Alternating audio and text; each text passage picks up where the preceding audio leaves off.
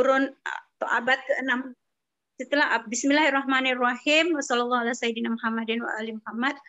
Setelah abad ke-16 uh, muncullah eh, negara-negara uh, yang menyebabkan uh, kelisa atau gereja tersingkirkan dan tampillah pelbagai uh, pemikiran mengenai kehidupan bernegara. آکویناس که برترین فیلسوف مسیحی صده سیزده میلادی هست به همین جهت به نقش بیشتر دولت در زندگی شهری و تمدن دست پیدا کرد.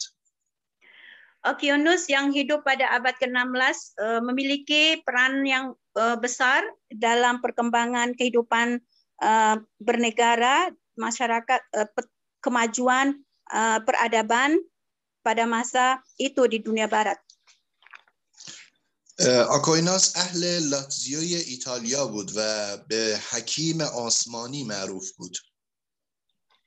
Okiunus adalah berasal daripada Italia dan dia terkenal dengan hakim hakim asmani.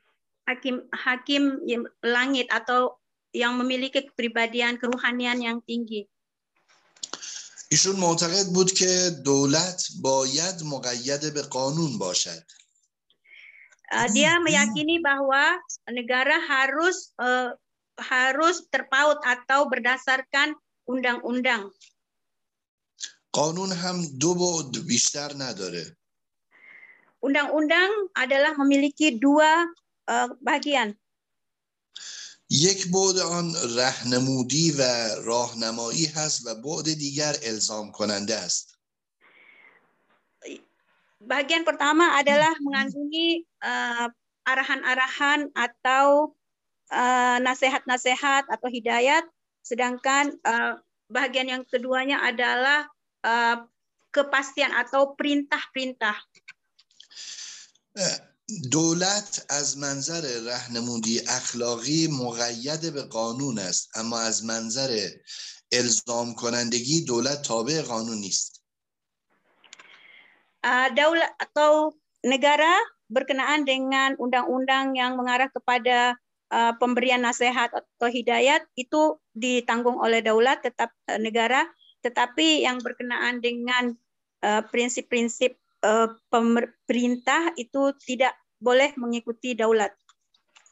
به تعبیر دیگر چون خود دولت تنفیذ کننده یا مجری قانون هست دلیلی نداره که تابع قانون باشه اما از لحاظ اخلاقی باید مقید به قانون باشه dalilnya atau sebabnya kenapa daulat uh, uh, dalam praktikal undang-undang itu karena dia sebagai pelaksana undang-undang.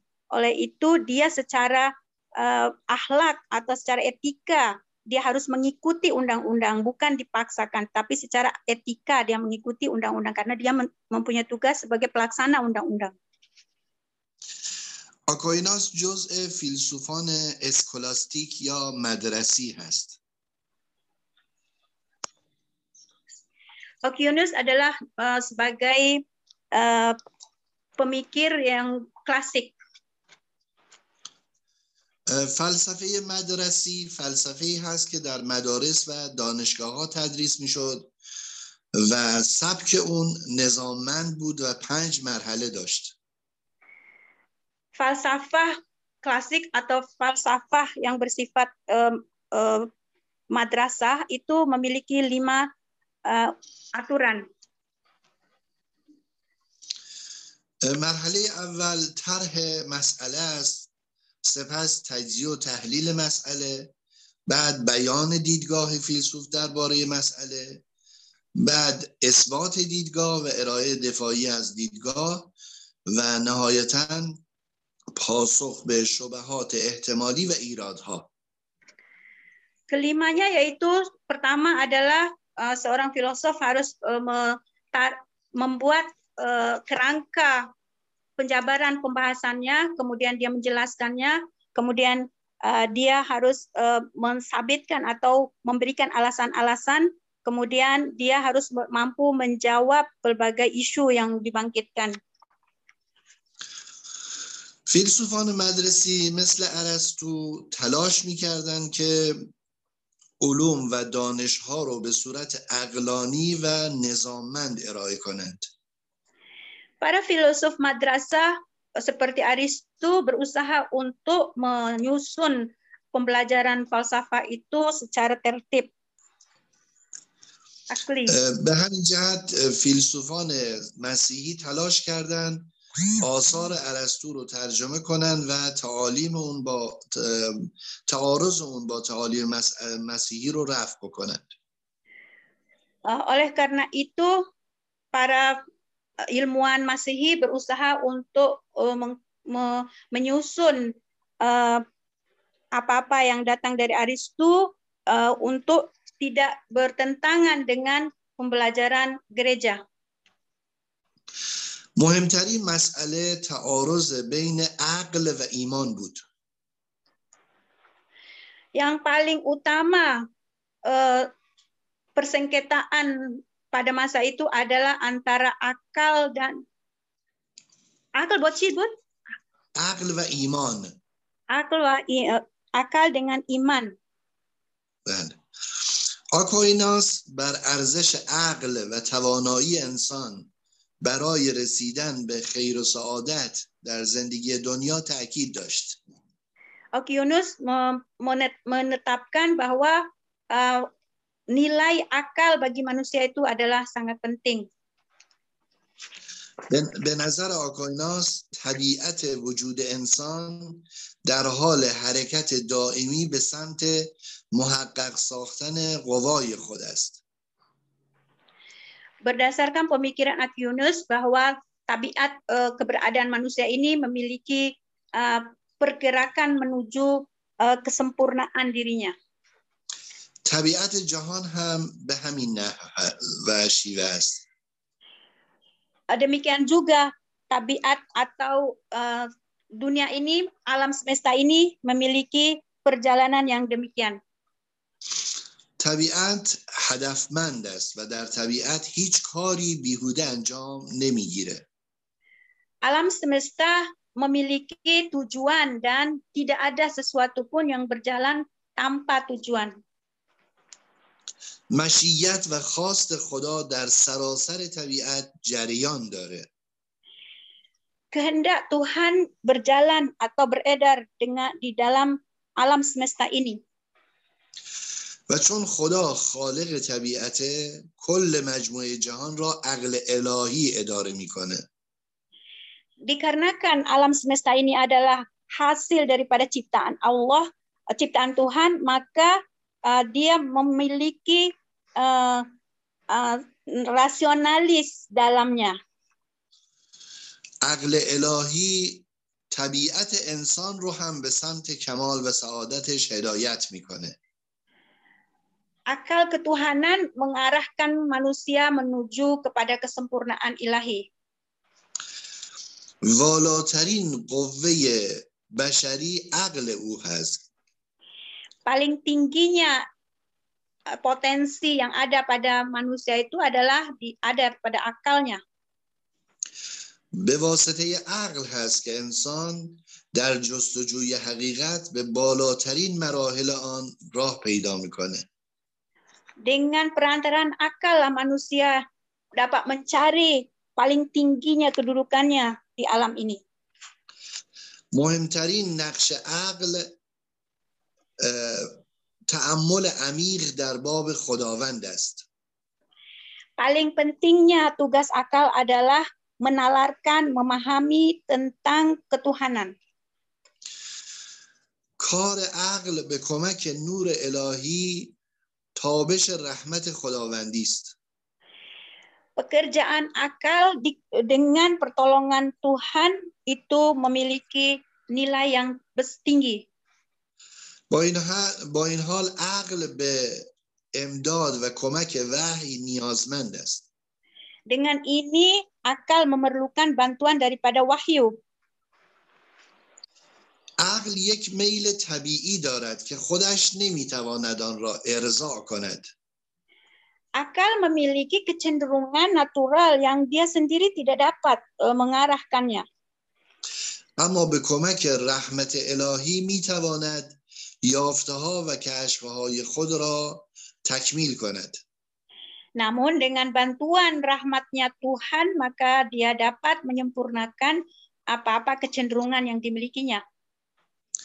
به نظر آکایناس فلسفه و الهیات اگرچه درشته و دو موضوع مختلف هستند اما غایت واحدی دارند Menurut Akionus eh, bahwa falsafah dengan ilahiyat atau teologi itu eh, memiliki walaupun berbeda tetapi memiliki dua arah yang sama. بین عقل و ایمان سازگاری وجود داره Antara akal dan iman itu memiliki kesesuaian و هر دو ما رو به سمت حقیقت هدایت می کنند dan keduanya mengarahkan kita ke ke arah kebenaran. فلسفه زمین ساز درک بهتر از وحی هست Falsafah adalah satu hal yang untuk dapat kita fahami dengan baik tentang wahyu. آسیب اساسی در بینظمی سیاسی اه، این است که بین عقل و وحی جدایی میندازند Satu penyakit yang berat atau malapetaka yang menimpa antara uh, politik uh, itu an- dalam politik itu adalah pemisahan antara akal dengan iman.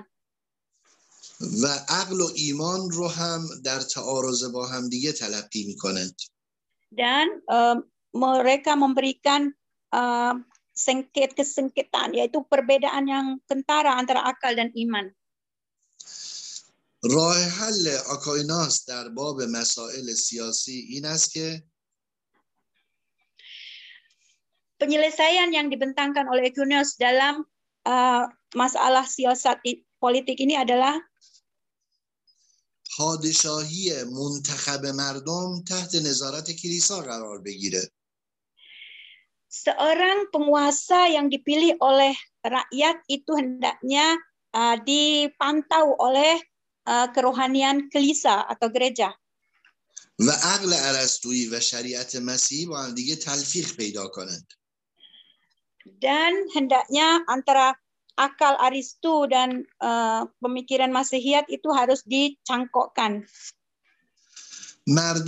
در پی آن هستند که یک سازمان بهزیستی کامل و بزرگ داشته باشند. masyarakat hendaknya dia me- mengarah kepada pembentukan eh, kehidupan yang baik. دولت مسیحی برای تأمین این نیاز بسیار مفید است Pemerintahan Masihiyat Kristen eh, mau menjamin adanya keinginan ini چون تابع دستورات کلیسا هست karena mengikuti eh, aturan-aturan gereja و می‌خواهد به مردم کمک کند dan menginginkan memberi bantuan kepada masyarakat. وظیفه اول دولت آن است که کمال طبیعی انسان یعنی رفاه جسمیش را تأمین کند Tugas utama pemerintahan adalah hendaknya memberikan swasembada eh, kesejahteraan kepada masyarakat. و در مرحله دوم وظیفه وظیفه دولت آن است که تکامل روحی انسانها را بر اساس تقوا فراهم کند Dan tugas kedua pemerintahan adalah untuk memberikan peluang kesempurnaan keruhanian manusia.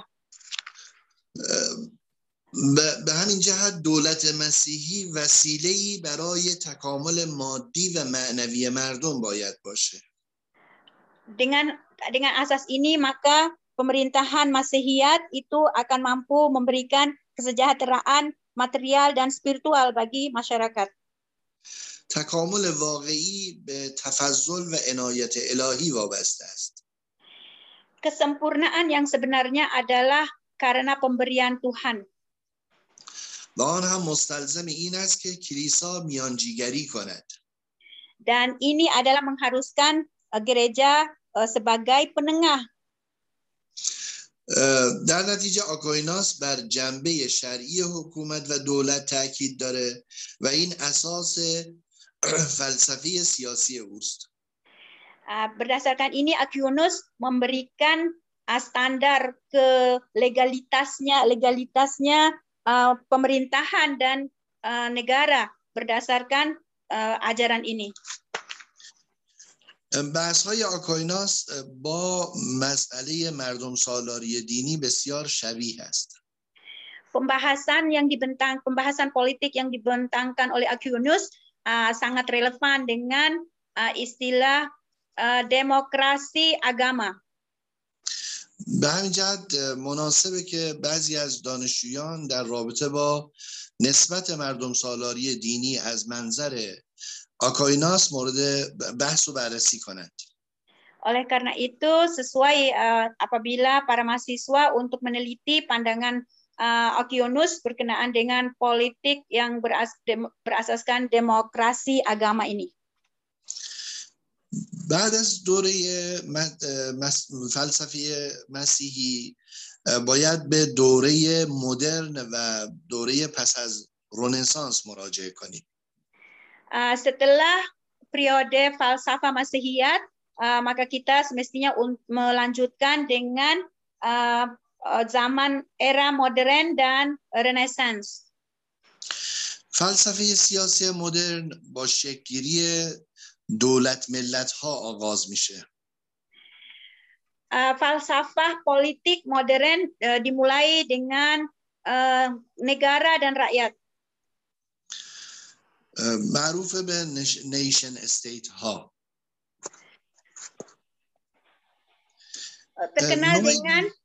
بله بله بفرمایید. معروف چی بود؟ نیشن استیت. نیشن استیت. بله. نوعی از ساختار سیاسی که بر چهار رکن سرزمین جمعیت حکومت و حاکمیت تاکید داره. جمعیت جمعیت حکومت و حاکمیت و سرزمین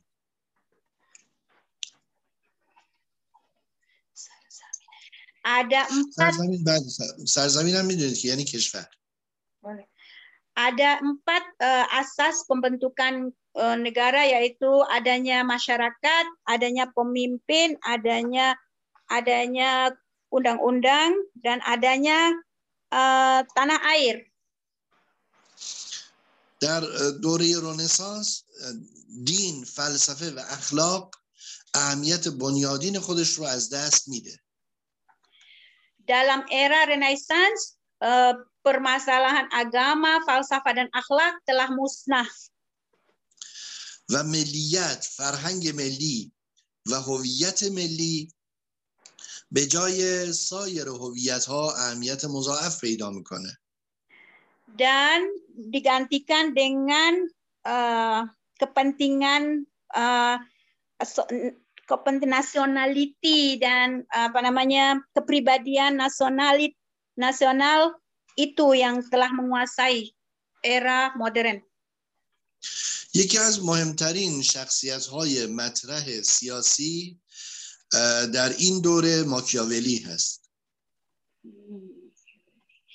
Salah seorang yang paling terkenal dalam sos, dalam politik modern ini adalah Machiavelli. ماکیاولی دو تا کتاب داره یکی کتاب شهریار هست و یکی کتاب گفتارها Machiavelli memiliki dua kitab yang berjudul satu berkenaan dengan uh, penduduk kota dan uh, bermas berkenaan dengan perbicaraan-pembicaraan. ماکیاولی در کتاب شهریار اصول سیاست مدرن رو مورد توجه قرار میده. Machiavelli dalam kitabnya berkenaan dengan dalam bahasa Parsinya Syahriar yaitu penduduk itu menyebutkan asas-asas daripada uh, politik modern. در مفهوم اروپایی ملت دولت دو عنصر اساسی دولت محسوب میشن. Dalam pengertian dalam konsep uh, barat bahwa ada dua yaitu uh, rakyat dan pemerintah. زبان فرهنگ و مرزهای مشترک اقتصادی اهمیت جدی پیدا می‌کنند uh, berkenaan dengan bahasa, budaya, dan perbatasan-perbatasan uh, ekonomi merupakan perkara-perkara yang penting dalam politik modern ini. و تمرکز قدرت در مرکز و جلوگیری از تکه تکه شدن سرزمین ها اهمیت جدی پیدا می‌کنه dan uh, uh, fokus pada kekuasaan di mana supaya tidak terjadi uh, per uh, pecah belahnya uh, kawasan negara diutamakan. و این مسئله در ذهنیت ماکیاولی در رابطه با مفهوم قدرت تاثیر به سزایی میگذاره. Dan dalam pemikiran Machiavelli, masalah ini sangat berpengaruh dalam segi kuasa. بعضی ها ماکیاولی رو پدر سیاست مدرن و یا بنیانگذار سیاست واقعی را می‌دونند. Sebagian orang menganggap Machiavelli adalah sebagai bapaknya politik modern. ایشون مدعی هست که سیاست رو واقعی یعنی اون گونه که هست و نه آرمانی یعنی اون گونه که باید باشه بررسی کرده Machiavelli menganggap bahwa uh, bahwa politik itu adalah sesuatu perkara yang nyata, bukan sesuatu perkara yang harus dicapai. معتقد هست که احساسات و خودخواهی بر انسان غلبه داره. Uh, dia mempercayai bahwa uh, perasaan perasaan uh, itu mampu me menaklukkan pribadi seseorang. محبت و ترس دو عاملی هست که انسان ها به خاطر اون دور هم دیگه جمع شدند. Cinta dan takut, rasa cinta dan takut adalah dua perkara yang menyebabkan manusia ini berkumpul menjadi kelompok masyarakat. ولی ترس سریعتر جواب میده و انسان ها به خاطر ترس بیشتر اطاعت میکنند. Tetapi takut lebih cepat mempengaruhi umat manusia untuk segera bersama dan uh, melepaskan berbagai hal. انسان ها همواره افزون طلب هستند یعنی زیاده طلب و همواره به چیزایی که ندارند فکر می‌کنند manusia seringkali ingin mencapai apa-apa yang dia tidak punya و داشته های خودشون رو نمی‌بینند dan apa-apa yang dimilikinya dia tidak memperhatikannya و چون منابع محدود هست برای رسیدن به اون جنگ می‌کنند Nah, dikarenakan uh, sumber atau aset yang dimiliki adalah kurang sehingga menyebabkan peperangan antara mereka. ماکیاولی برای حفظ وحدت ملی ایتالیا از پادشاه می‌خواد که از همه ابزارهای لازم برای تأمین وحدت استفاده کند. Machiavelli mengharap meminta kepada penguasa yaitu uh, Raja Italia untuk mempersiapkan menjalankan segala uh, dengan cara apapun untuk uh, memenuhi kebutuhan-kebutuhan rakyat Italia. ایشون در کتاب شهریار ترجیح میده که فرمانروا برابر قانون رفتار بکنه که در خور انسان هست. Machiavelli dalam kitabnya penduduk itu berjudul penduduk itu mengatakan bahwa uh, pemimpin itu hendaknya setara dengan uh, rakyat. اما اگر این روش فایده نداشت باید بناگزیر از زور یعنی روش حیوانات وحشی استفاده کنه Tetapi jika undang-undang ini tidak dapat dijalankan dengan baik atas rakyat, maka harus dipaksa rakyat itu seperti hewan. ایشون معتقده که روش قانون ذاتا نیکو و پسندیده است. Uh, Machiavelli menganggap bahwa uh, metode undang-undang itu adalah uh, layak untuk diterapkan. اما اگر نشد باید روش دیگری رو در پیش بگیره. Tetapi jika tidak dapat dilakukan melalui undang-undang, maka ditempuh cara lain.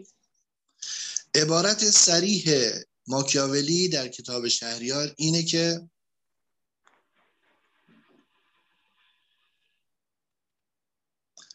پس از آنجا که شهریار را گریزی از آن نیست که شیوه ددان یعنی حیوانات وحشی را نیک به کار بندد میباید هم شیوه روحبا را به کار ببرد و هم شیوه شیر را Machiavelli dalam tulisan bukunya penduduk itu mengatakan bahwa jika rakyat tidak memenuhi undang-undang maka layak pemerintah untuk melaksanakan dengan cara kekerasan bagaikan binatang yang ditarik secara paksa.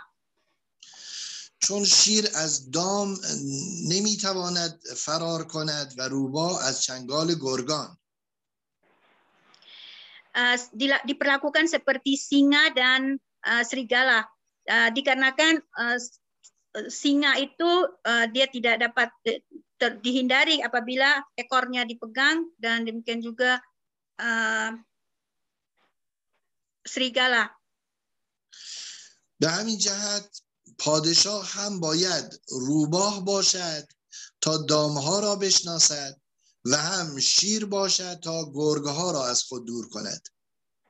Oleh karena itu pemimpin uh, harus seperti serigala dan juga harus seperti singa karena uh, dia tidak akan dapat melepaskan buruannya.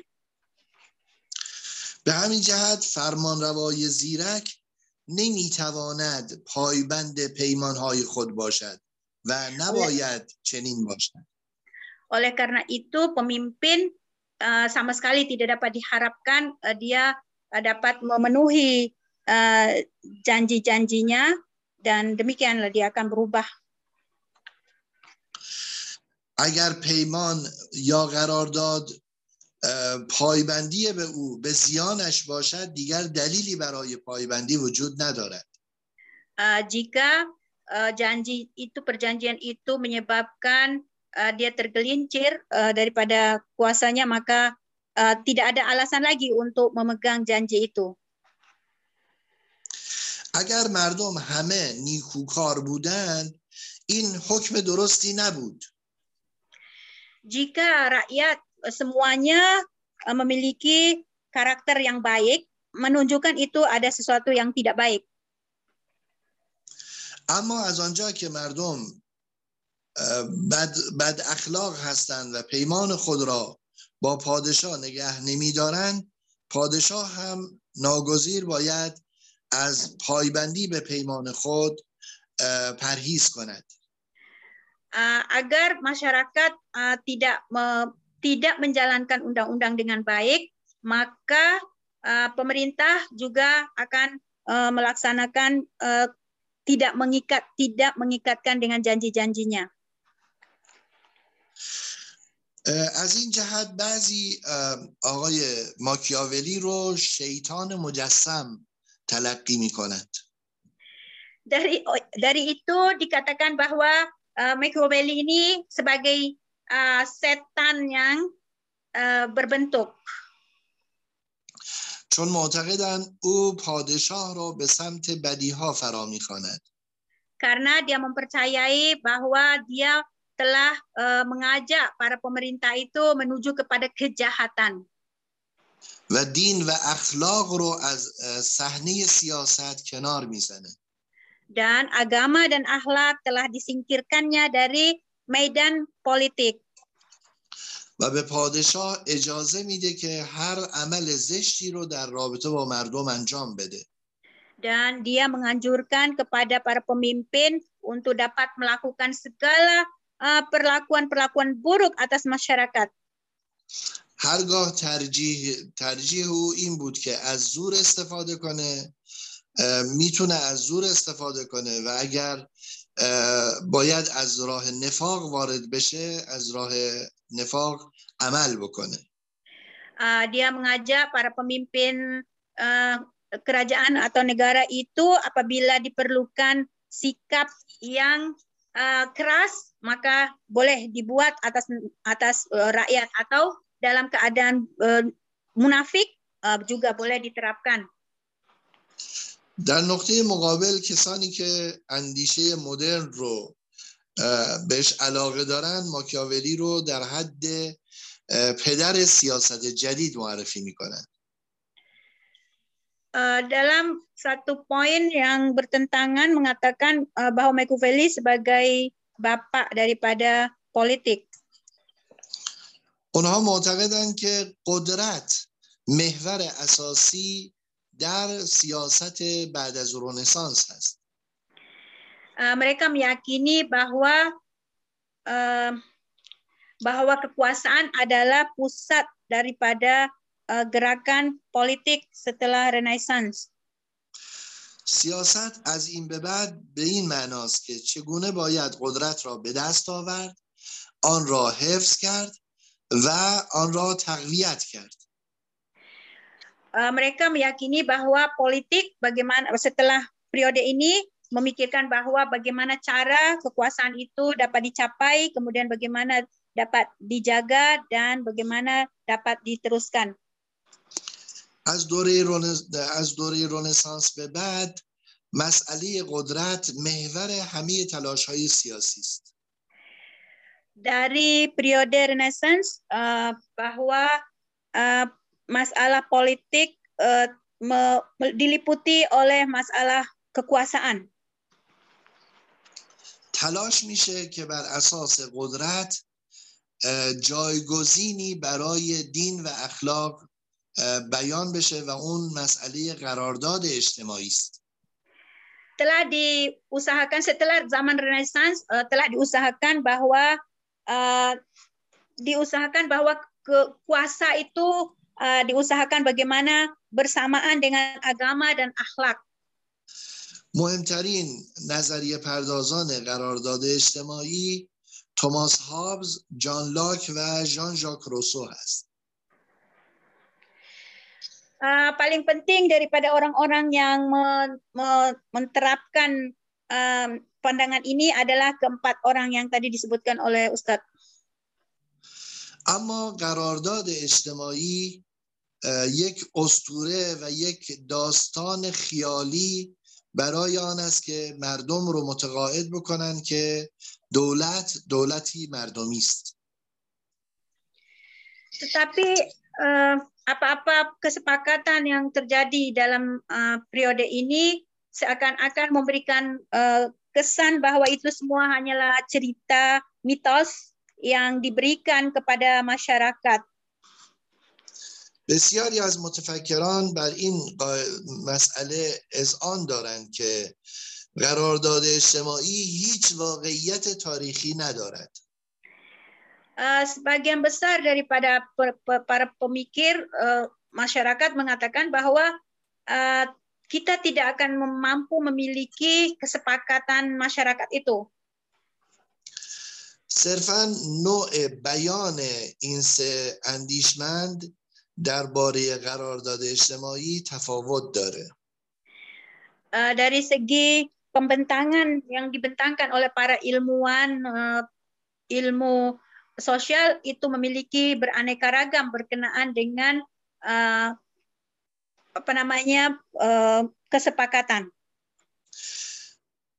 هم آقای توماس هابز و هم جان لاک و هم روسو تاکید دارند که قبل از تشکیل دولت یک وضع طبیعی وجود داشت. Uh, ketiga ketiga pemikir barat itu tadi disebutkan oleh Ustadz uh, Thomas itu semua itu menyatakan bahwa uh, kesepakatan ini uh, terjadi آقای جان آقای توماس هابز کتابی داره به نام لویاتان.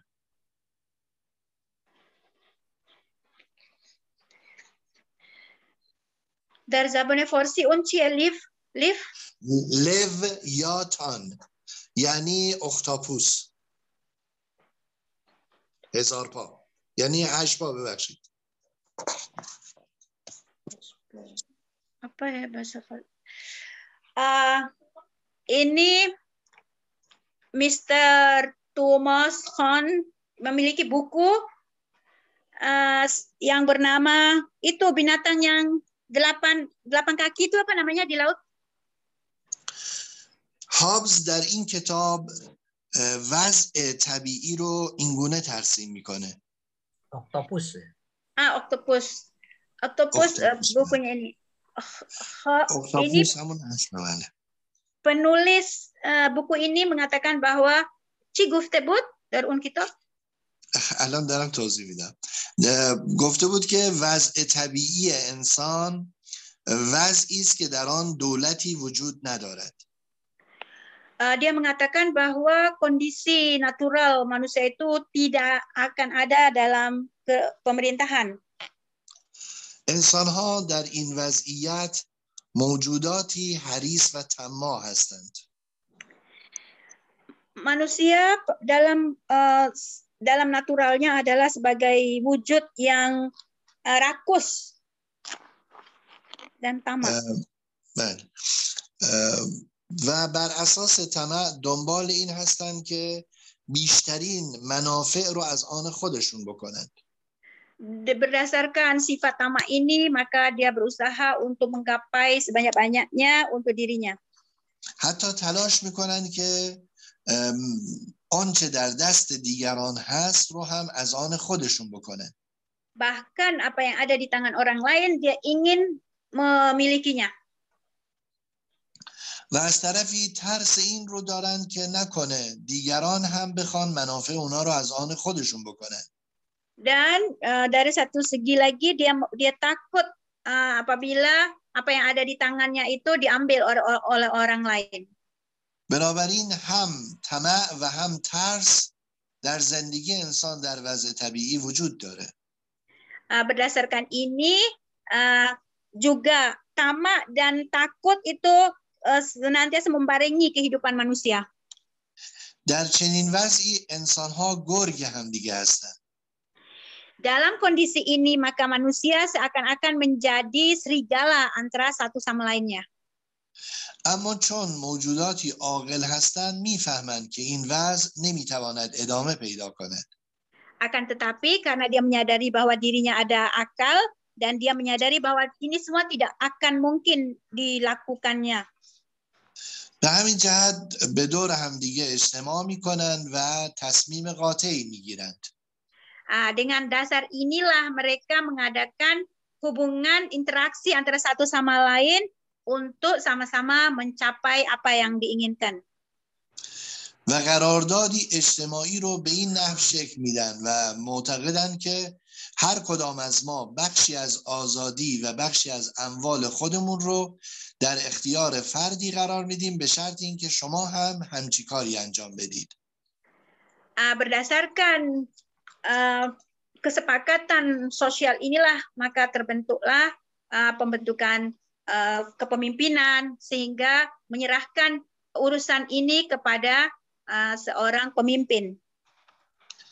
هر کدام از ما یعنی در واقع شهروندان اذعان می‌کنیم که من بخشی از آزادی و اموالم رو به دولت واگذار میکنم به شرط آن که شما هم چنین کنید Ah, da- dari se- dari setiap diri kita, dari setiap diri masyarakat itu ah, hendaknya ah, hendaknya memberikan ah, kebebasan kepada kepada se- sebuah pemerintahan yang akan ah, menata atau menjaga kepentingan bersama ini.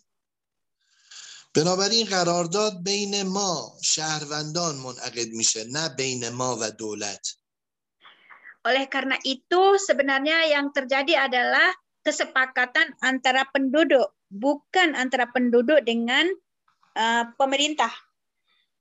و دولت فقط باید امنیت را برای ما برقرار کند Uh, pada hakikatnya da- pemerintah itu hanya bertugas untuk menjaga keamanan penduduk. او اقتدار مطلق دارد تا هر گونه که میخواهد امنیت را برای ما برقرار کند Pemerintah itu memiliki kekuasaan yang mutlak da- untuk menjaga uh, keselamatan atau keamanan penduduk. هیچ کس حق اعتراض به او را ندارد tidak ada mungkin seseorang boleh uh, me mengkritisinya. و او در قلمرو اختیارات خود اقتدار مطلق دارد. Dan dia dalam kekuasaannya memiliki kuasa mutlak. آقای جان لاک در کتاب رساله ای در باب حکومت به توماس هابز ایراد وارد می‌کنه. Mr. John Locke uh, dalam kitabnya Risalah itu memberi kritikan kepada uh, ini uh, Mr. Thomas Kuhn. Uh, ایشون معتقده که انسان در وضع طبیعی موجود بدذاتی نیست.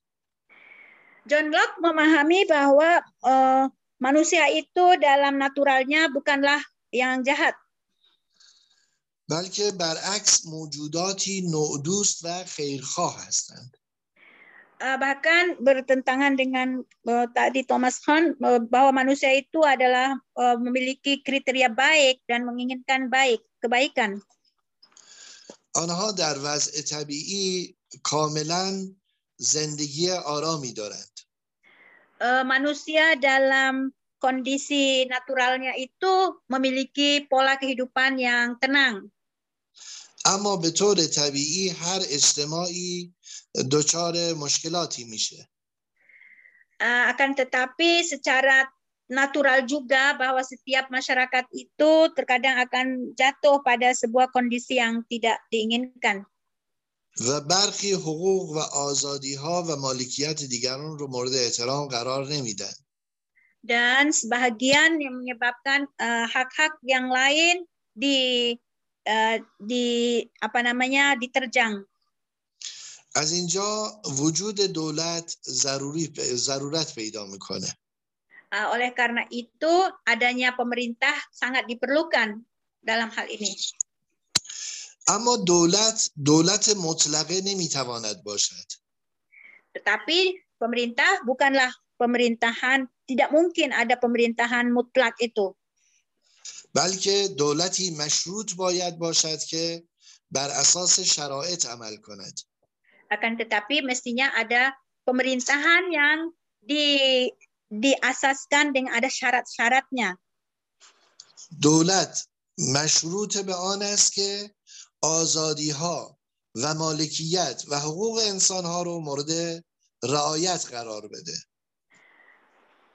Pemerintahan yang berdasarkan memiliki syarat-syarat yang di mana kebebasan, kepemilikan itu bagi rakyat itu harus dijaganya.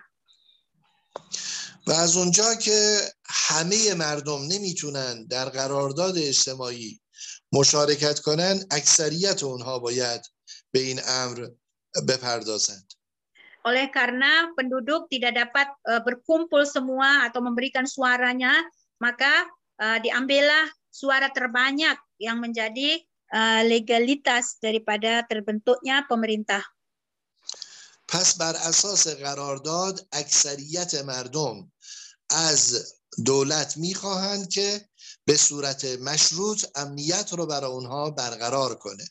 Oleh karena itu, masyarakat mengharapkan kepada daulat dengan uh, pemberian suaranya yang terbanyak supaya menegakkan keamanan bagi masyarakat. و تا موقعی که دولت به شرایط خود عمل می‌کنه و وفادار هست مردم و شهروندان هم از او اطاعت خواهند کرد. Nah, selama pemerintahan itu menjalani syarat-syarat yang ditetapkan itu untuk menjaga keamanan masyarakat, maka selama itu juga masyarakat harus wajib mentaati pemerintahan yang demikian. اما هرگاه دولت شرایط رو نقض کنه شهروندان حق اعتراض و عزل حاکم رو دارند. Akan tetapi setiap kali uh, pemerintah melanggar syarat-syarat itu, maka rakyat memiliki hak untuk membawanya ke mahkamah. آقای ژان ژاک روسو در کتاب قرارداد اجتماعی وضع طبیعی جان لاک رو میپذیره. Mr. Uh, John ژان Cruz ژان ژاک روسو menyatakan bahwa uh, apa yang dibentangkan oleh Ki Unbut ژاک روسو balik oh isun نظر- طبیعی جان لاک رو John Locke Ah, kondisi pandangan John Locke dia terima ایشون به آقای جان لاک ایراد می‌گیره که شما اقلیت رو کنار زدی Ah, dia memberikan kritikan kepada John Locke bahwa engkau itu telah mengenepikan pandangan ah, ke- pandangan eh, ra'i yang sedikit. الان بر اساس قرارداد اجتماعی که شما منعقد کردید اقلیت میتواند از حاکم اطاعت نکند Apa yang engkau katakan bahwa engkau telah mengetepikan ah, pemilihan yang sedikit yang bukan aksariat itu bagian yang sedikit itu engkau telah mengenepikan dan memberikan peluang kepada kelompok yang sedikit ini untuk menentang pemerintah. بنابراین بر اساس قرارداد اجتماعی شما اقلیت از دایره حاکمیت خارجند Ah, berdasarkan kesepakatan yang engkau buat ini menyebabkan ah, kelompok yang minimum itu keluar daripada ah, kesepakatan ini. ژان ژاک روسو معتقده که اراده همگانی است که حاکمیت رو تعیین می‌کنه Ah, pandangan John Crusoe ah, mengatakan bahwa ah, kesepakatan keseluruhan yang menjadi legitimasi bagi sebuah pemerintahan. حاکمیت واقعی از آن اراده همگانی است Pemerintah yang berdasarkan kesepakatan secara keseluruhan itulah yang memiliki legalitas. و اراده همگانی هیچگاه حاکمیت را به دولت به طور مطلق واگذار نمی کند dan kehendak keseluruhan masyarakat sama sekali dia tidak akan memberikan ke, secara mutlak kepada uh, pemerintah. بر اساس قرارداد اجتماعی اراده همگانی به صورت مشروط دولت را میپذیرد Berdasarkan kesepakatan uh, keseluruhan sosial keseluruhan bahwa menerima uh, pemerintahan yang berasaskan ada syarat-syaratnya. اما به او اجازه مطلق را هیچگاه نمی‌دهد dan dia tidak memberikan uh, perizinan secara mutlak dalam kepemimpinan. اراده همگانی هرگاه بخواهد میتواند دولت را عزل کند Berdasarkan uh, teori kesepakatan keseluruhan ini uh, menyatakan bahwa uh, setiap saat diinginkan oleh kesepakatan bersama keseluruhan ini untuk menjatuhkan uh, pemerintahan maka akan dilakukan. و دولت جدیدی رو از نو تأسیس کنه dan akan membentuk pemerintahan yang baru.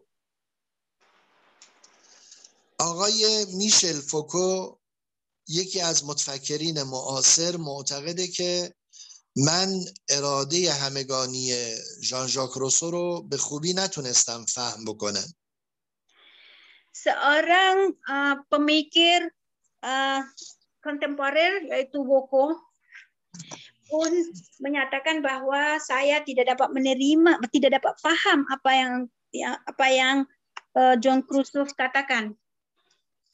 میشل فوکو می‌گوید من وقتی وارد ایران شدم و انقلاب ایران را دیدم متوجه شدم که مراد روسو از اراده همگانی چیست Setelah aku ma- memasuki Iran, baru aku dapat pahami apa yang dikatakan oleh John Krusov tentang kesepakatan bersama itu.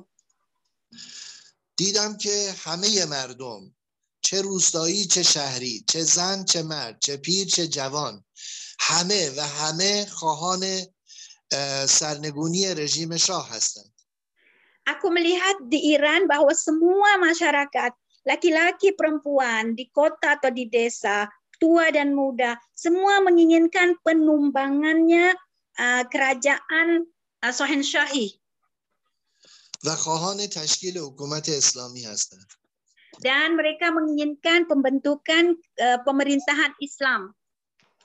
به همین جهت میشل فوکو کتابی می نویسه به نام ایران روح جهان بیروح Dengan dasar inilah Foucault menulis surat bahwa Iran adalah ruh uncibut ruh روح ایران روح جهان بیروح uh, جهان بیروح یعنی بدون روح بله uh, dia menulis buku Iran uh, sebagai ruh bagi uh, dunia yang tidak ber, yang tidak memiliki ruh. احسنتون مشکلی که در رابطه با قرارداد اجتماعی وجود داره به هر قرائتی که بیان شد مشکل حقانیت حکومت توسط قرارداد اجتماعی است ada satu permasalahan dalam konsep kesepakatan bersama ini yaitu berkenaan dengan ke tujuan baik atau niat ikhlas daripada kepemimpinan. قرارداد اجتماعی نمیتونه حق حکومت رو توجیه کنه. Kesepakatan uh, sosial ini tidak dapat menentukan uh, kebenaran kepemimpinan ini. چرا ادعی حق دارند بر ما حکومت کنند؟ Kenapa uh, sebahagian orang dapat menjadi uh, pemerintah atas kita? این همان مسئله مشروعیت در فلسفه سیاسی است. Inilah uh, yang disebut dengan uh, masyru'iyat, Bud? بله بله legitimacy. Oh, inilah yang di, di, disebut dalam falsafah politik yaitu legitimasi dalam kesepakatan. مسئله مهم اینجاست که وقتی دین و اخلاق کنار گذاشته میشه پای قرارداد اجتماعی به میان میاد uh, masalahnya yaitu masalah penting di dalamnya itu ketika agama dan akhlak itu menjadi uh, asas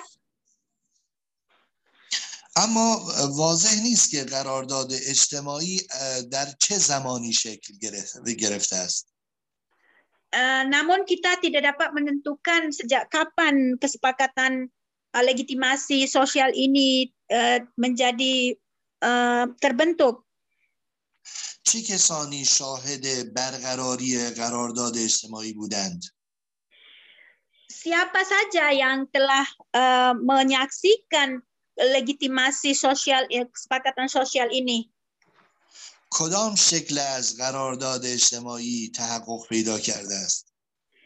Uh, mana uh, bentuk yang bentuk pemerintahan yang dibentuk berasaskan kesepakatan uh, sosial ini. و چطور قرارداد اجتماعی می تواند به حاکم حق حکومت بدهد؟ Dan bagaimana kesepakatan sosial ini dapat memberikan uh, apa namanya kuasa kepada seseorang untuk uh, memimpin? اینها سوالاتی است که ما رو وامی داره به نظریه های جدید سیاست رو کنیم Ini pertanyaan-pertanyaan yang memaksa kita untuk mencari teori-teori baru untuk menyelesaikannya. از این رو تلاش می‌کنیم در جلسات آتی و آینده نظریه های جدیدی رو که در عرصه سیاست مطرح شده برای شما بیان کنیم. Uh, dalam hal ini pada pertemuan yang akan datang kita akan memberikan teori-teori baru berkenaan dengan hal ini. باید ببینیم که نظریه های جدید در عالم سیاست چه نکات جدیدی رو به ما انتقال میدن. Kita akan melihat pandangan-pandangan uh, baru ini apa nukta-nukta baru yang akan diberikan dalam masalah uh, politik sosial politik ini. و تا چه حد میتونن مسیر سیاست رو برای ما در واقع روشن, روشن کنند و واضح کنند. Dan sejauh mana dia dapat memberikan penerangan tentang masalah politik untuk kita. خب من البته چون فرصت کمه بحث جدیدی رو مطرح نمی کنم. انشاءالله جلسه آینده به تفصیل به این نظریه ها خواهیم پرداخت. Saya tidak dapat melanjutkan karena saya memiliki waktu yang sempit. Insya Allah pada masa yang akan datang kita akan melanjutkannya. اگر عزیزان بزرگوار نکته ای دارن سوالی دارن در خدمتشون هستم jika ada pertanyaan atau poin-poin yang ingin disampaikan dipersilakan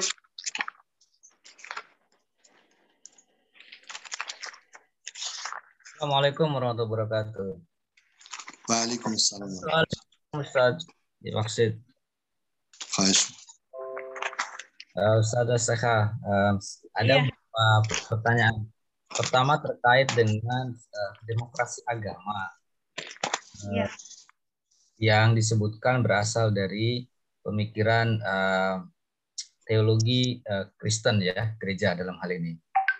Um, yang apa namanya uh, berangkat dari uh, abad Renaissance, kemudian uh, pertentangan antara akal dan uh, wahyu dalam politik. Yang kita tahu dalam uh, politik uh, di Barat menghasilkan pemikiran sekularisasi atau sekularisme antara pemisahan antara agama dengan uh, politik. Nah, uh, pertanyaan saya kemudian ada juga bagaimana dalam hal ini kemudian uh, akal atau nalar pemikiran uh, bisa menerima kepemimpinan uh, wahyu atau kepemimpinan uh, orang suci. Ya, hmm. uh, itu yang yang uh, yang yang kedua.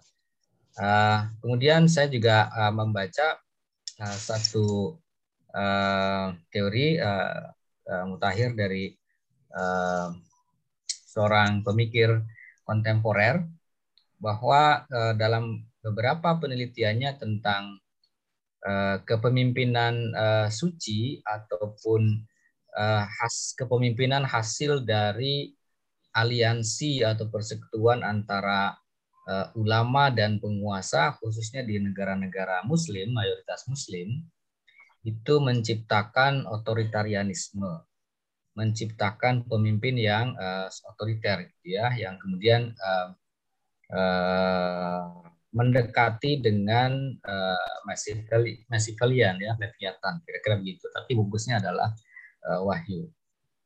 Nah, uh, yang ketiga, uh, ini mungkin uh, akan dijawab untuk pertemuan mendatang ya soal Eh, teori-teori baru, tapi uh, soal kesepakatan ataupun konsensus uh, sosial, kesepakatan sosial dalam membuat menentukan uh, pemimpin, um, saya uh, sangat apa namanya uh, uh, sepakat dalam artian uh, banyak yang uh, mempraktekkan ini baik dari sisi uh, pandangan uh, tentang uh, manusia, kebebasan, kemudian uh, John Locke ya uh, tentang tentang kebebasan manusia dan James, James Jacques Rousseau.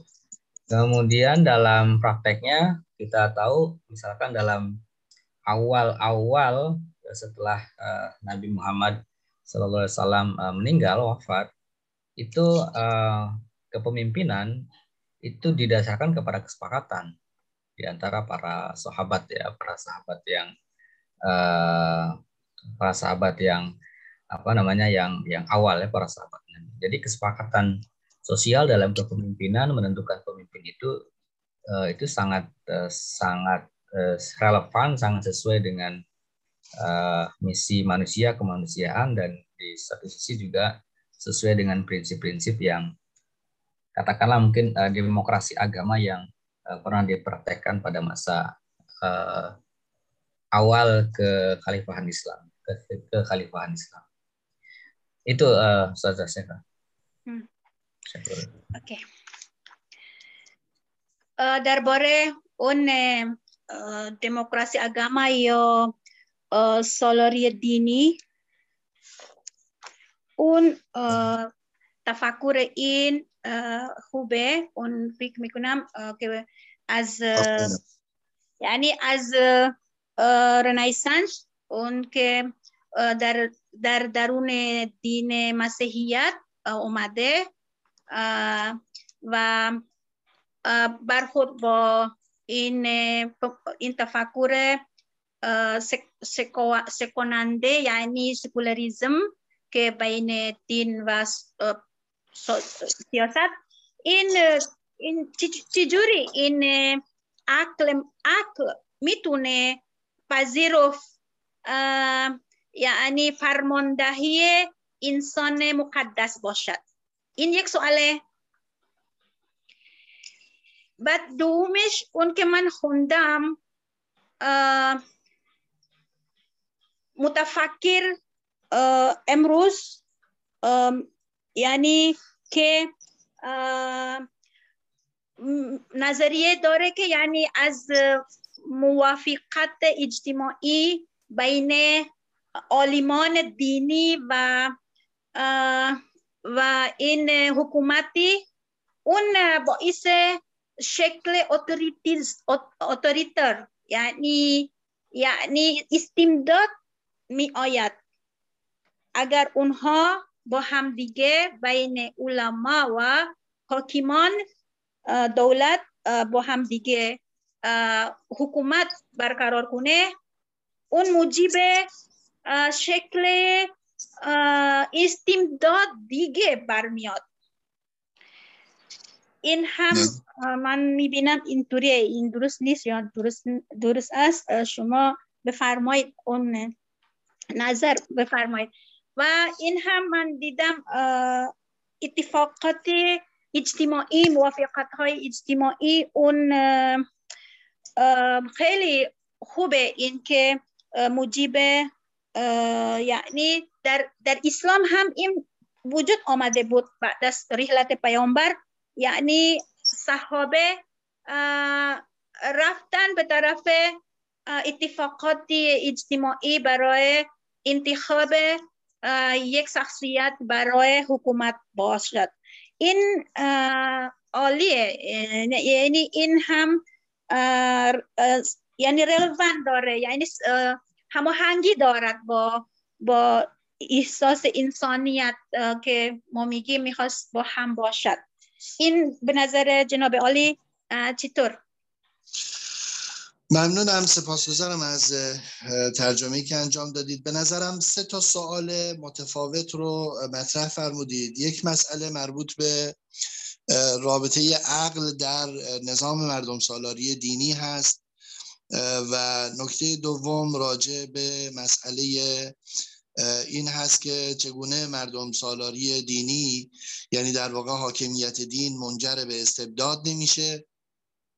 و نکته سوم هم راجع به قرارداد اجتماعی هست که مطرح فرمودید که چگونه این قرارداد اجتماعی در اسلام قابل تبیین هست و به حال مدافعینی در رابطه با قرارداد اجتماعی در اسلام هست. این رو چجوری توضیح می‌دید؟ اگر متوجه شدم این سه تا سوال رو شما مطرح فرمودید بفرمایید و من پاسخش رو عرضه بکنم. بله. درسته اون سه تا سوال اونطوریه. استاد خدمت رو عرض بکنم. در رابطه با مسئله عقل در مردم سالاری اسلامی. ما معتقدیم که عقل و علم هیچ گونه تعارضی و تقابلی با مسئله دین نداره. چون دین در واقع جهت دهنده دانش هست و دانش برنامه عمل حکومت رو مشخص می‌کنه. هرگاه شما بتونی برنامه و جهت زندگی رو در کنار همدیگه معنا, پیدا، معنا بدی در این صورت امکان جمع بین عقل و دین وجود داره. در berkenaan dengan soalan yang pertama tadi hubungan akal dengan terbentuknya uh, yang menerima kepemimpinan orang-orang suci itu bagaimana? Uh, dikatakan bahwa uh, bahwa akal itu dengan ilmu itu tidak ber, bertentangan atau wahyu dengan akal dan ilmu ini tidak bertentangan dan mereka dapat bergabung dan wahyu adalah memberikan penerangan, uh, juga akal adalah me mengarah kepada bagaimana untuk membentuk uh, ketertiban yang terjadi. Jadi sama-sama memberikan uh, apa namanya peranan yang bisa menjadikan uh, adanya keteraturan dalam pola kehidupan masyarakat. بستگی داره که شما عقل رو چگونه معنا کنی و این معنا در پاسخی که برای او در نظر می‌گیریم بسیار اثرگذار هست masalah akal ini tergantung daripada bagaimana kita memaknakan akal. Dengan makna ini kita akan memberi pengaruh kepada apa yang ingin kita capai. گاهی اوقات عقل رو جوری معنا میکنیم که دین ستیز یا دین گریز است kadang-kadang orang memberi makna akal itu adalah sesuatu yang bertentangan lari dengan agama اما عقل چیزی نیست جز آنچه که انسان از عالم واقع ادراک می‌کنه Padahal akal itu adalah tiada lain adalah bagaimana sesuatu yang dapat mencerapi uh, kejadian yang sebenarnya. حقایقی که در جهان وجود داره دو گونه است. Kejadian-kejadian atau fenomena yang terjadi di alam ini ada dua macam. یکی حقایق تکوینی و طبیعی هست و یکی حقایقی که از طریق وحی به ما انتقال پیدا می‌کنه. Satu adalah kenyataan-kenyataan yang bersifat uh, natural dan kedua uh, berkenaan dengan ketetapan-ketetapan yang berasal dari wahyu. آنچه که عقل از مسائل طبیعی و تکوینی درک می‌کنه همه فعل خداونده. Apa yang dinalarkan oleh akal dari alam semesta ini, alam kaunia atau alam natural ini adalah respek daripada perbuatan Allah. اونچه که از وحی به ما نازل میشه و بر پیغمبر نازل شده و ما به دست آوردیم کلام خداوند و سخن خداونده Adapun wahyu adalah yang dapat dicerapi oleh akal yang berasal daripada kalam atau pembicaraan Tuhan melalui Rasulullah, melalui nabinya. و ما معتقدیم بین فعل خداوند و قول خداوند تعارضی نیست. Dan kita yakini bahwa antara perbuatan Allah, perbuatan Tuhan dengan kata-kata Tuhan itu tidak ada pertentangan. پس آنچه به واسطه عقل و علم حاصل می شود در تعارض با وحی نیست. Nah, apa yang dicapai oleh akal maka tidak akan bertentangan dengan wahyu. مگر آنکه با روش افراطی به عقل نظر کنیم و او رو به صورت حد اکثری ببینیم و دین ستیز uh, kecuali kalau dengan metode yang uh, ekstrim kita melihat uh, peranan akal itu dan dengan dan dan kita akan uh, secara uh, menyeluruh memisahkan dia daripada fenomena wahyu. هر عمل ارادی ما دارای یک ظاهر و یک باطن است. Setiap perbuatan kita memiliki dua dua dimensi, dua dimensi batin dan dimensi zahir. دین باطن عمل ارادی ما رو به ما نشون میده و علم ظاهر عمل ما رو مورد توجه قرار میده. Agama menunjukkan segi batiniah daripada perbuatan kita dan uh, ilmu menjurus pada segi uh, zahir daripada amal kita. و همواره بین ظاهر عمل ما و باطن عمل ما یک رابطه حقیقی وجود داره. Dan antara kedua batin dan zahir ini bagi kita adalah memiliki hubungan hakiki.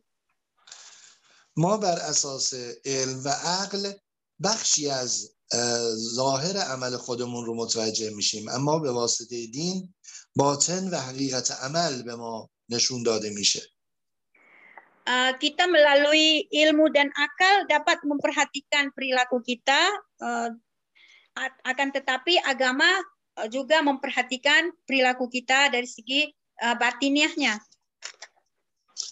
نکته دیگه این که ما همواره اون چه که قطعی و یقینی است رو عکس می‌کنیم و اون چه زنی و گمان هست او رو کنار می‌زنیم. و در واقع اگر علم یقینی بود و دین زنی بود اون یقینی رو عکس می‌کنیم و زنی رو کنار می‌گذاریم. Dan kita senantiasa bahwa akal mengambil uh, sesuatu dengan yakin dan uh, mencela sesuatu yang, yang masih menjadi uh, persangkaan dan um, oleh itu pembicaraan agama juga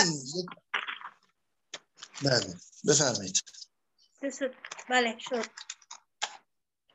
اگر دین هم امر یقینی برای ما حاصل بکنه و علم زنی ها رو برای ما و گمان ها رو به ما انتقال bede ما قطعا یقینی ها رو عکس میکنیم Uh, jika agama juga memberikan kepada kita keyakinan dan uh, ilmu tidak uh, tidak memberikan dan memberikan persangkaan-persangkaan juga sama kedudukannya akan kita uh, uh, lepaskan.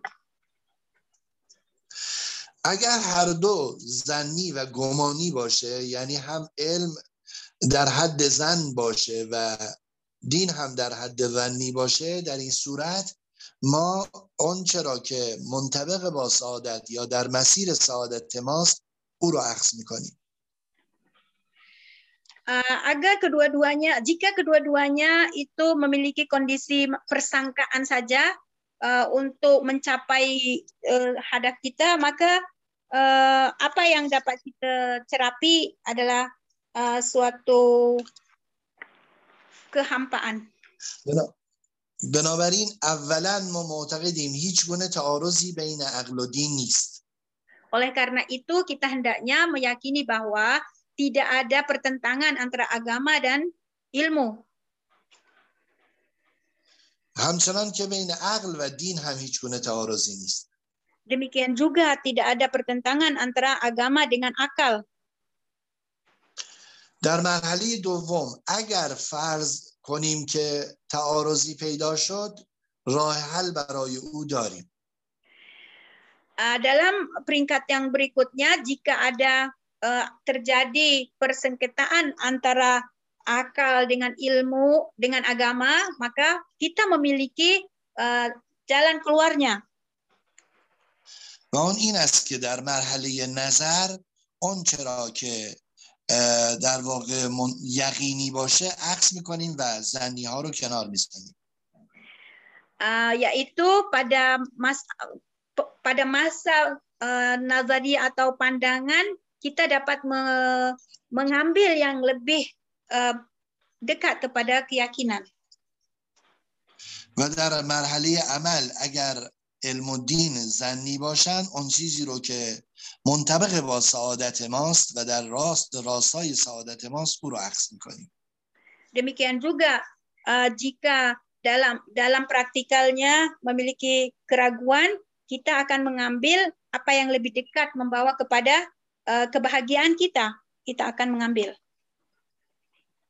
این راجع به سوال اول ini berkenaan dengan pertanyaan yang pertama اما سوال دوم ما سه نوع نظام سیاسی متفاوت رو می‌تونیم لحاظ بکنیم Adapun pertanyaan yang kedua, kita memiliki uh, sistem politik, ada tiga sistem politik yang kita punya. یکی نظام تئوکراسی کلیسا هست که معتقد هست حاکمیت الهی توسط کلیسا باید اجرا بشه. Satu adalah sistem teokrasi uh, gereja di mana pemerintahan di, akan dipimpin oleh orang gereja. در تئوکراسی مردم هیچ گونه جایگاهی ندارد.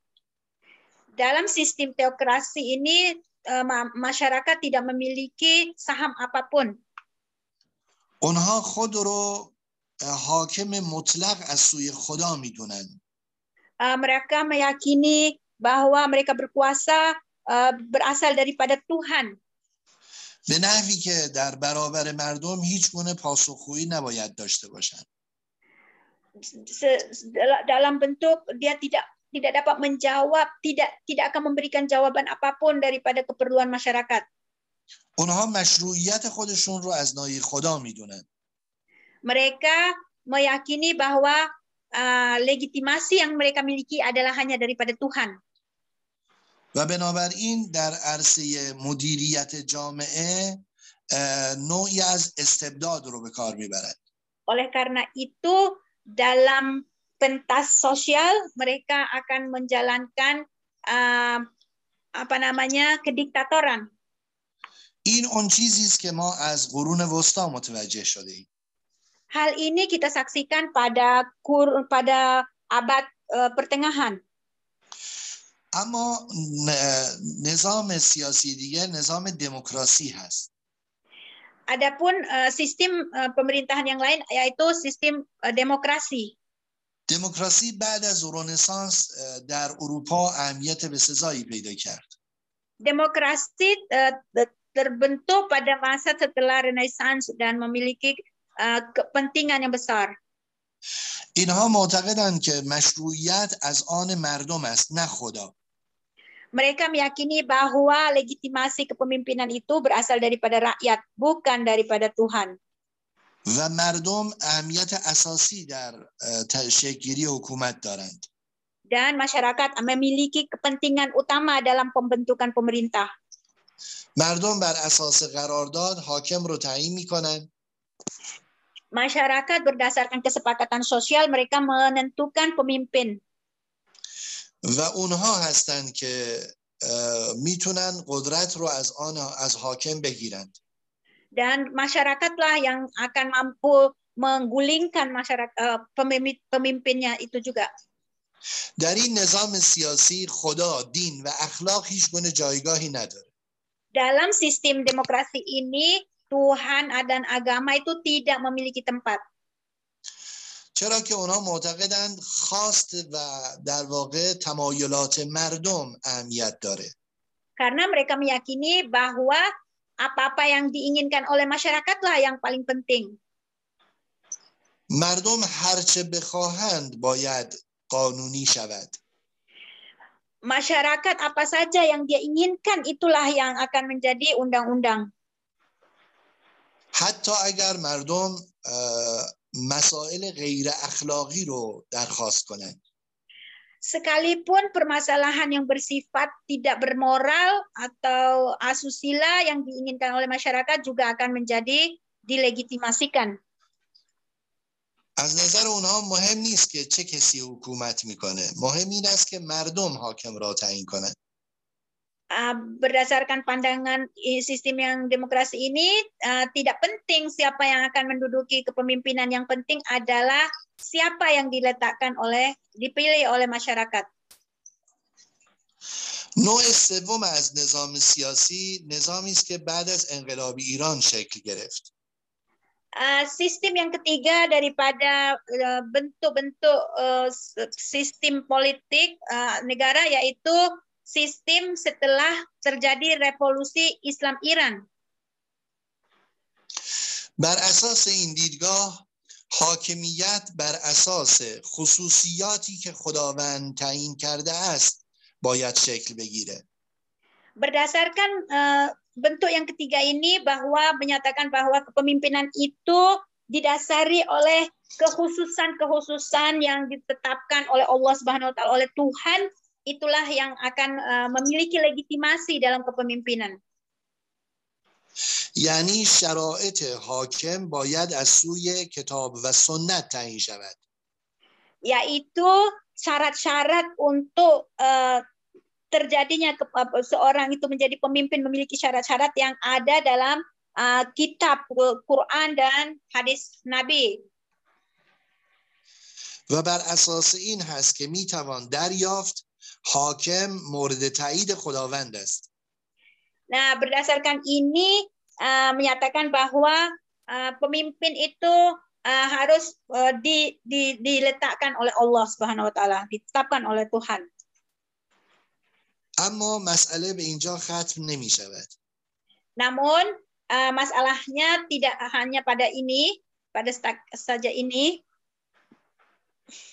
مردم یا نمایندگان آنها باید شخص حاکم رو بر اساس ویژگی های مناسب کتاب و سنت انتخاب کنند. Uh, perlu adanya kesepakatan daripada masyarakat di mana masyarakat itu sendiri mengetahui kekhususan-kekhususan yang telah ditetapkan oleh kitab dan sunnah itu untuk memilih pemimpin yang sesuai dengan ditetap yang ditetapkan oleh Tuhan itu. در این صورت خواست و اراده مردم با خواست و اراده خدا تطبیق داده میشه. dengan dengan demikian mah, mah, mah, yaitu keinginan uh, masyarakat itu berbarengan sama dengan apa yang diinginkan oleh Tuhan uh, saling uh, mendukung satu sama lain. همونطور که اراده و خواست خدا در صحنه اجتماع به واسطه اراده و خواست مردم تحقق پیدا می‌کنه. Uh, sebagaimana apa yang diinginkan oleh Tuhan itu dapat diterapkan oleh masyarakat. و این همان مردم سالاری اسلامی است که برای شما بیان کردیم. Dan itulah yang disebut dengan demokrasi agama yang telah saya uh, jelaskan pada kalian. بر این اساس حاکمان نمی توانند و حق ندارند که استبداد بورزند. Berdasarkan ini maka uh, pemimpin tidak mempunyai tidak berkemungkinan apapun untuk menjadi uh, totaliter. چون هم شریعت اونها رو از این کار منع می‌کنه و هم مردم. Karena uh, juga, selain daripada uh, masyarakat syariat juga melarang uh, seseorang itu untuk melakukan totaliter. مردم کاملا نظارت مستقیم بر رفتار حاکم اسلامی دارند. Masyarakat memiliki uh, peranan untuk uh, memantau secara langsung daripada perilaku pemerintah. همونطور که نمایندگان مردم به طور مستقیم نظارت بر حاکم اسلامی دارند. Sebagaimana juga para wakil-wakil rakyat uh, juga memperhatikan langsung uh, perilaku pemerintah. اما از همه مهمتر تقوا و عدالت درونی حاکم است که او را از تخلف باز می‌دارد. Namun dari semua itu yang paling penting adalah uh, kondisi ketakwaan yang dimiliki oleh pemimpin itu karena dalam syarat-syarat kepemimpinan pada sistem yang ketiga, ketiga ini adalah mencakupi sistem keadilan dan ketakwaan bagi uh, pemimpin itu sendiri dalam diri uh, saksi pribadi pemimpin itu sendiri. در این نوع نظام سیاسی هم نظارت درونی و هم نظارت برونی به طور کامل فعال است. Dalam bentuk uh, sistem politik yang demikian ini, uh, baik uh, pe, apa namanya pemerhati yang ada dalam diri uh, masyarakat dari luar dari luar diri pemimpin, yaitu masyarakat dan juga dalam diri pemimpin itu sendiri memiliki ketakwaan. اما راجب بله اما راجب سوال سوم Adapun mengenai uh, pertanyaan yang ketiga در اسلام هیچگاه قرارداد اجتماعی به صورت مطلق پذیرفته نشده dalam Islam uh, secara mutlak tidak uh, tidak tidak menerima uh, kesepakatan sosial itu secara mutlak. حتی حتی برای اولین بار که اوس و خزرج سراغ پیغمبر اومدن تا اولین دولت اسلامی رو شکل بدن قرارداد اجتماعی مطلق نبود. sehingga pada zaman Rasulullah yaitu kedua kaum Us dan Hajrat Hajrat itu kabilah Us dan Hujrat itu bersepakat itu bukan 100% adalah kesepakatan sosial yang membentuk uh, apa namanya pemerintahan di Madinah itu. در مدینه پیامبر اکرم از طرف خدای تعالی معمور و ارسال شده بود تا هدایت جامعه رو در دست بگیره Uh, di Madinah, pemerintahan yang dibentuk oleh uh, Rasulullah itu adalah bermula daripada uh, perintah daripada Tuhan yang kemudian disampaikan oleh Rasulullah kepada masyarakat.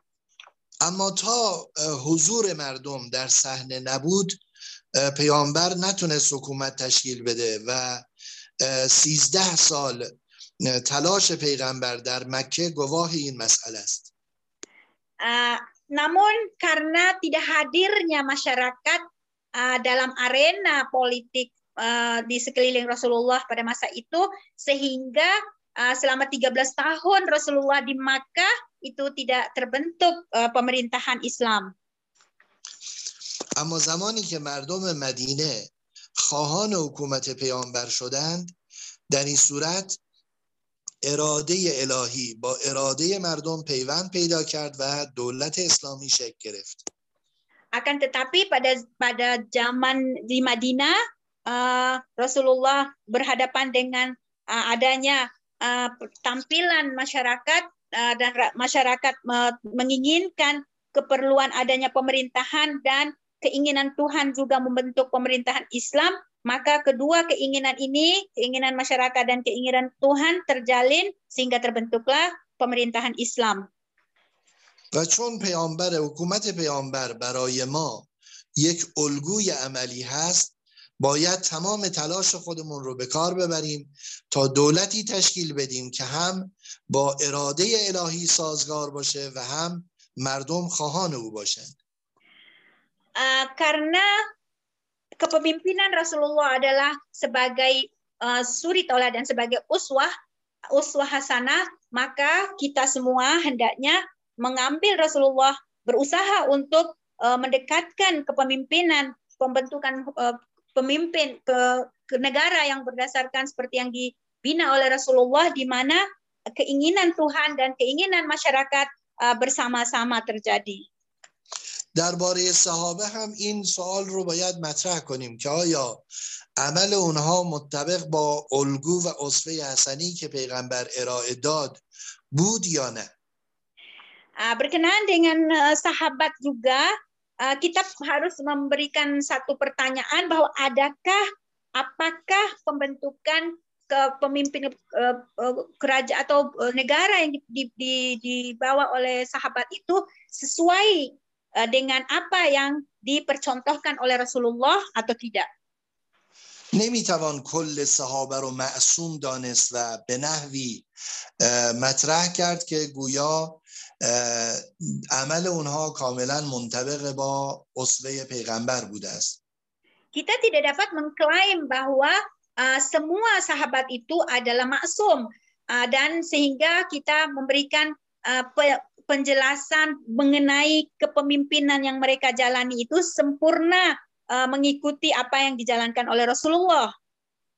قرآن کریم میفرماید اطیع الله و اطیع الرسول و اول الامر منکم این اول الامر باید از لحاظ خصوصیات با خصوصیت خدا و رسول منطبق باشد Ayat Quran yang mengatakan atiullah wa atiur rasul ulil amri minkum itu memberikan uh, keses kesesuaian uh, kekhususiatan pemimpin selepas Rasulullah itu dengan apa yang disyariatkan uh, oleh Allah Subhanahu wa taala. این گونه نیست که هر کس قدرت رو در دست گرفت برای ما اطاعتش واجب باشد. Uh, bukanlah yang sesuatu perkara yang betul apabila uh, seseorang itu sudah mencapai makam uh, pemimpin itu harus wajib kita taati tanpa melihat bagaimana sifat-sifat uh, pemimpin itu. کسی اول الامر از منظر قرآن محسوب میشه که از لحاظ صفات و خلقیات همسو با صفات و خصوصیات و اسماع الهی و همچنین خصوصیات پیغمبر باشه setiap ulil amri itu setiap pemimpin masyarakat itu harus dinilai dari segi keserasiannya dengan uh, akhlak akhlak akhlak dan kepemimpinan yang dipercontohkan oleh Rasulullah dan yang sesuai dengan uh, keinginan Tuhan atau syariat Allah Subhanahu wa taala. بر این اساس هر گونه میثاق و هر گونه قرارداد رو باید با اراده الهی و در چارچوب شریعت مورد توجه قرار بدیم berdasarkan ini maka kesepakatan sosial itu harus didasari dengan apa yang disyariatkan oleh Allah Subhanahu wa taala. و این الگویی است که اسلام از دولت اسلامی برای ما عرضه میکنه. Dan inilah yang dibentangkan atau dipercontohkan oleh kepemimpinan Islam. اگر چیزی منطبق با اراده الهی نباشد تاغوت است. Jika terjadi ketidakserasian dengan apa-apa yang diinginkan oleh Tuhan, maka ini harus ditolak. و خدا به طور سریح ما رو از اطاعت اونها نهی کرده. Dan Tuhan Allah juga secara jelas melarang kita untuk melakukan taat kepada pemimpin yang tidak serasi dengan apa-apa yang dikehendaki oleh Allah. و در این حال دین اسلام از هر گونه استبداد نهی کرده بنابراین لازم است که حکومت بر اساس اراده مردمی شکل بگیرد dengan ini agama Islam menghendaki menolak sama sekali tentang adanya pemerintahan yang totaliter dan meminta adanya pembentukan pemerintahan itu berdasarkan kesepakatan masyarakat yang didasari dengan kehendak Tuhan. پس اراده مردم در طول اراده خداست نه در عرض اون oleh karena itu kehendak masyarakat itu sebagai rentetan daripada kehendak Tuhan bukan setaraf dengan kehendak Tuhan نه حکومتی رو میپذیریم که به بهانه حاکمیت الهی بخواد بر مردم استبداد بورزه و نه حکومتی رو در واقع اطاعت می‌کنیم که به بهانه مردمی بودن بخواد دین خدا و اراده الهی رو زیر سوال ببره Jadi kita tidak dapat uh, mengambil uh, penilaian kita ingin uh, demi untuk menegakkan kepemimpinan agama tetapi uh, kita uh, tidak tidak membiar tidak membiarkan masuknya uh, kesepakatan masyarakat dan demikian juga sehingga istibdad ter terjadi atau uh, totaliter terjadi kita juga uh, tidak membiarkan uh, kesepakatan 100% daripada masyarakat sehingga uh, meninggalkan apa-apa yang diinginkan oleh Tuhan. قوانین حکومت باید در چارچوب شریعت الهی و همچنین منطبق با مصالح عمومی انسان ها باشه Undang-undang pemerintah hendaknya uh, dibuat berdasarkan uh, syariat ilahi yang menjaga uh, kesejahteraan masyarakat. و هر گونه عمل سیاسی دولت چه در داخل و چه در خارج از کشور باید بر این اساس مورد توجه قرار بگیره. dan setiap uh, perilaku uh, politik hendaknya baik uh, urusan dalam negeri atau di luar negeri harus berasaskan pertimbangan ini. و این همان چیزی است که خدای تعالی در قرآن کریم و سنت پیغمبر از ما انتظار داره. Dan inilah yang uh, diinginkan uh, dalam uh, kitab Allah dan yang ditunggu untuk terbentuknya kepemimpinan uh, dalam kehidupan sosial manusia. و این همون چیزی است که در دوره معاصر می توانیم بر اساس او یک نظام دینی رو برگزار کنیم dan berdasarkan ini dalam dunia kontemporer ini bisa diharapkan munculnya kepemimpinan yang berasaskan agama dan bersama dengan kesepakatan sosial yang memiliki pengetahuan tentang agama. از حوصله که به خرج دادید ممنون سپاسگزارم از شما تشکر می‌کنم بابت ترجمه روانی که ارائه دادید dengan berakhirnya masa ini kita telah selesaikan dan saya ucapkan terima kasih kepada kalian semua موفق و معید و پیروز باشید Semoga Allah memberikan uh, muafakiat kepada kita semua insyaAllah. Syukran Ustaz. Syukran Ustaz. موفق باشید خدا حفظتون کنه انشاءالله تا جلسه آینده بحث نظری های جدید رو به طور واضح و روشن انشاءالله برای شما تبیین خواهیم کرد Insya Allah kita akan melanjutkan pada pertemuan yang akan datang berkenaan dengan teori-teori baru. امر فرمایشی ندارید Ada per- ingin disampaikan apa-apa? Dipersilakan.